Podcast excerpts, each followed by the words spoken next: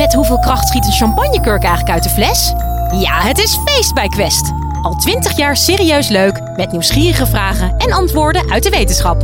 Zo maken we Nederland elke dag een stukje slimmer. Nu in de winkel en op quest.nl. Universiteit van Nederland. Wij krijgen hier elke paar dagen op de spoedeisende hulp wel iemand met een mogelijke paracetamol-overdosis. Een overdosis van zo'n onschuldig pilletje?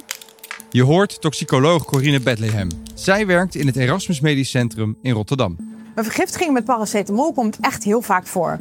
Uh, meerdere keren per week in ons ziekenhuis, maar in heel Nederland is het de meest voorkomende vergiftiging. Mensen komen bij Corine binnen met allerlei mogelijke vergiftigingen. Van GHB, giftige paddenstoelen tot aan paracetamol dus. Dan heb je het bijvoorbeeld over mensen met enorme kiespijn die in korte tijd heel veel paracetamol innemen. En dat is behoorlijk gevaarlijk.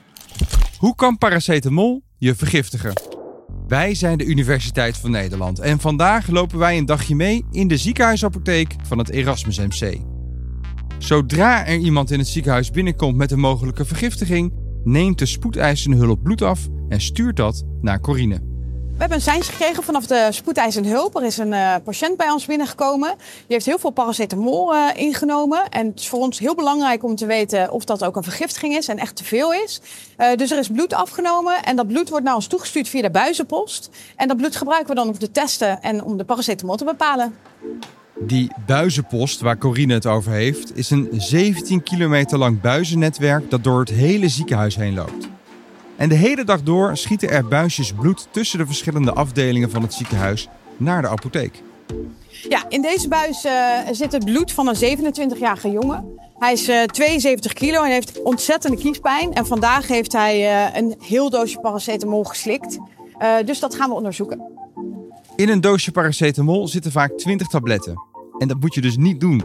Maar ja, het lijkt zo'n onschuldig pilletje. Je kan het overal krijgen, zonder recept. Maar wat weten we eigenlijk over dit medicijn?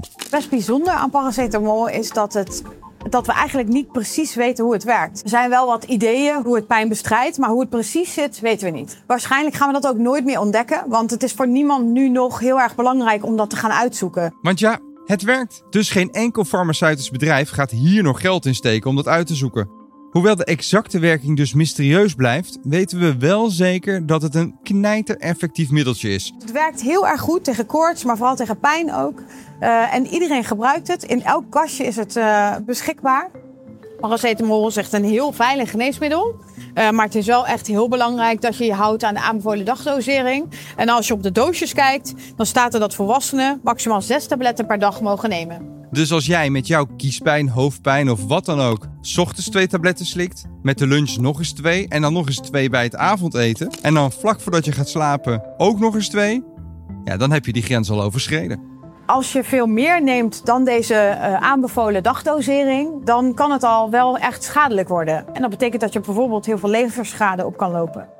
Even terug naar de jongen die net binnenkwam op de spoedeisende hulp. Die 20 tabletten nam van elk 500 milligram paracetamol. Hoe gevaarlijk is dat nou? In principe houden we de rekensom aan dat als je meer dan 150 milligram per kilogram lichaamsgewicht inneemt, dat je dan het risico loopt op schadelijke effecten zoals leverschade en uiteindelijk zelfs heel gevaarlijk tot overlijden. En dat betekent als we rekenen met iemand van ongeveer 70 kilo, dat je uh, aan één doosje van 20 tabletten eigenlijk al genoeg hebt om in de gevarenrange te komen. Dus Corine kijkt met spoed naar het buisje bloed om te bepalen hoe hoog de concentratie paracetamol precies is. In principe vragen we natuurlijk ook wel altijd aan de patiënt hoeveel hij heeft ingenomen. Uh, maar dat is vaak helemaal niet betrouwbaar, want mensen kunnen dat zich helemaal niet goed uh, herinneren.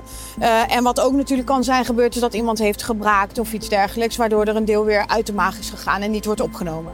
In het lab van de apotheek staat een speciale machine die specifiek gemaakt is om bloed te testen op paracetamol. Ik zet het buisje nu in het apparaat. Het is een volledig geautomatiseerd apparaat. En ongeveer in 10 minuten heb je dan de paracetamolspiegel.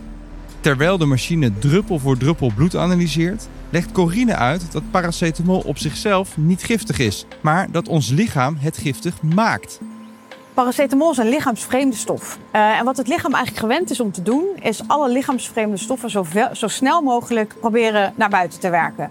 Dat doet je lichaam door de stoffen oplosbaar te maken. Als het oplosbaar is, dan kan het uiteindelijk via de urine gewoon uitgeplast worden. Dat oplosbaar maken van stoffen gebeurt meestal in je lever.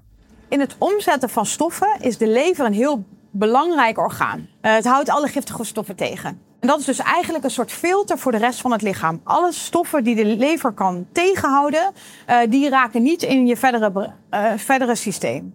De lever heeft verschillende trucjes om vreemde stoffen oplosbaar te maken. Als we specifiek naar paracetamol kijken, zijn er eigenlijk drie verschillende manieren die gebruikt worden om paracetamol uiteindelijk uit je lichaam weg te krijgen. De eerste twee manieren zijn vrij onschuldig. Maar de derde manier, die leidt tot de vorming van een giftige stof. Die giftige stof heet afgekort NAPKI. Oftewel N-acetyl P-benzoquinone imine. Nou ja, NAPKI. Het is echt een vreselijk woord, het is heel lang. Ja, inderdaad, lang en giftig. Hoe goed je lever ook werkt, dat derde mechanisme pakt niet heel goed uit.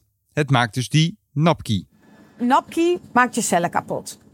Primair gebeurt dat als eerste vaak in de lever. En dat is ook waarom, als je heel veel paracetamol hebt ingenomen, het lever heel snel uh, kapot gaat. Elke keer als jij paracetamol slikt, wordt een deel daarvan dus omgezet in dat giftige stofje NAPKI. Maar in je eigen lijf zit ook een soort antigif. Uh, namelijk glutathion. En glutathion is een stof die NAPKI onschadelijk maakt. En dat betekent dat als je je normaal gewoon aan de dagdosering houdt, dat je geen enkele schade van paracetamol hoeft te verwachten. Maar als je heel veel paracetamol inneemt, dan raakt eigenlijk je glutathion-voorraad raakt op. Dus je eigen antigif raakt op. En dat betekent dat die schadelijke NAPKI vrij aan cellen kan gaan binden. En cellen die die bindt, die gaan dood. Er zijn ook groepen mensen waarbij paracetamol overdoseringen extra gevaarlijk zijn. Uh, en dat zijn bijvoorbeeld mensen die veel alcohol gebruiken of mensen die ondervoed zijn. En de reden dat die groepen zoveel meer risico lopen, is eigenlijk omdat de voorraad van het natuurlijke antigif, de glutathion, die is in de cellen veel lager dan bij gezonde mensen. Dus zij kunnen veel minder NAPKI oplossen of onschadelijk maken dan in, ja, ten opzichte van gezonde mensen. Gelukkig weten ze in het ziekenhuis wat ze dan moeten doen. Corine neemt ons mee naar het magazijn vol met medicijnen. Uh, als je op tijd bij ons bent, dan is de behandeling van een paracetamolvergiftiging eigenlijk heel erg simpel. Namelijk met een uh, antigif. En dat neemt uh, de functie van ons eigen antigif over. Het antigif wil je zo snel mogelijk starten, want dan hebben we het beste effect. We denken dat als je voor de 8 uur start, dat je het minst kans hebt op een schade op je lever. Dus als je s'avonds denkt, ik slaap er nog een nachtje over, dan ben je misschien s'morgens echt de sjaak. En dan is de schade aan de lever misschien al wel extreem groot. Als je lever eenmaal beschadigd is, dan kun je dat met, met dit antigif niet meer oplossen. Als je niks doet of er te laat bij bent, dan wordt het echt ellendig. Alle levercellen gaan langzaam dan kapot. Uh, en dat leidt tot leverfunctiestoornissen. En de leverfunctie is heel belangrijk, bijvoorbeeld in het kader van stolling, dus in de, de vloeibaarheid van je bloed. Dan kan het bijvoorbeeld zo zijn dat als je een sneetje in je hand hebt, dat het dan nooit meer stopt met bloeden. Nou, dat is een makkelijk voorbeeld, maar als je je voorstelt dat dat ook in je lichaam kan gebeuren, uh, dan kunnen natuurlijk op allerlei plekken hele grote bloedingen heel gevaarlijk worden. Nou, als dat in je hoofd bijvoorbeeld zo is, dan heb je een hersenbloeding. Dit is één van de mogelijke gevolgen van een overdosis paracetamol. Maar er kan nog meer kapot gaan. Ja, je lever is eigenlijk het eerste orgaan uh, wat, waar je de schade heel goed in kan zien. Uh, maar het is een soort van domino. En het tweede orgaan is vaak de nieren. Dan ben je dus ook niet meer in staat om urine te produceren en om je lichaam te zuiveren van stoffen die je normaal gewoon uitbelast. Dus eigenlijk vergiftig je jezelf nog erger. Dan gaat eigenlijk je lichaam één voor één opgeven. Al je organen gaan er één voor één uit. Dan ga je gewoon dood. Die domino van orgaanfalen is onomkeerbaar en is een pijnlijk en traag sterfproces. Echt een hele, hele nare manier. Als je in de situatie komt dat zowel je lever als je nieren uh, het niet meer doen, dan kan eigenlijk alleen een orgaantransplantatie je leven nog redden. Dan moeten we met spoed op zoek naar een nieuwe lever. En als die niet op tijd beschikbaar is, dan is de paracetamolvergiftiging dodelijk. Je moet dus op tijd aan de bel trekken. Maar dan moet je je er wel van bewust zijn dat dit pilletje gevaarlijk kan zijn. En veel mensen weten dit niet. Jij bent nu gewaarschuwd. De symptomen van een overdosis paracetamol zijn namelijk niet echt alarmerend. Dus die dwingen je ook niet om naar de dokter te gaan. Als je heel veel tabletten paracetamol inneemt, dan merk je daar eigenlijk niet zo heel veel van. Vaak worden mensen wel heel misselijk. Soms gaan ze braken. Uh, maar het heeft niet heel veel effect op dat moment. En de jonge man die bij ons vandaag op de spoedeisende hulp is binnengekomen, die had ook vooral kiespijn. En mensen nemen natuurlijk vaak voor de pijn. Dus ze voelen zich niet oké. maar het is niet dat die paracetamol nou heel veel klachten geeft als je daar heel veel van neemt in korte tijd. Nog over de jongen op de spoedeisende hulp. Hij kwam bij de huisarts met kiespijn en vertelde dat hij alvast een pakje paracetamol had geslikt. Dan word je door je huisarts direct doorgestuurd naar het ziekenhuis. En daar heeft hij geluk mee gehad. De analyse is geweest, het apparaat is klaar met draaien. En nu kunnen we aflezen wat de concentratie van de paracetamol in het bloed is. Nou, die is 158,2 milligram per liter. Dat is duidelijk te hoog. Deze jongen moet aan het antigif. Als we het antigif gaan geven, uh, dan maken we een infuus. En dan word je opgenomen in het ziekenhuis en blijf je voor 24 uur in het ziekenhuis opgenomen. Omdat het infuus 24 uur moet blijven hangen. Uh, om alsmaar die napkie weg te vangen uit je lichaam.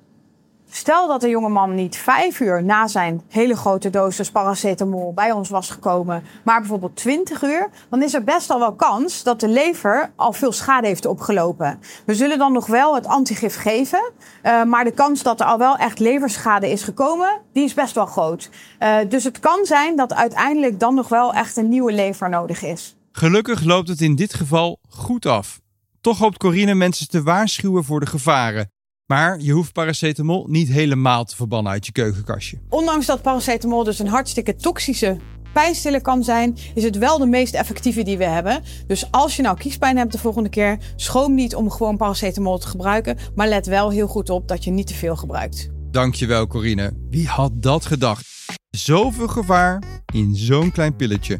Vond jij dit nou een interessante aflevering? We hebben er nog veel meer. Wil je ze niet missen? Abonneer je dan.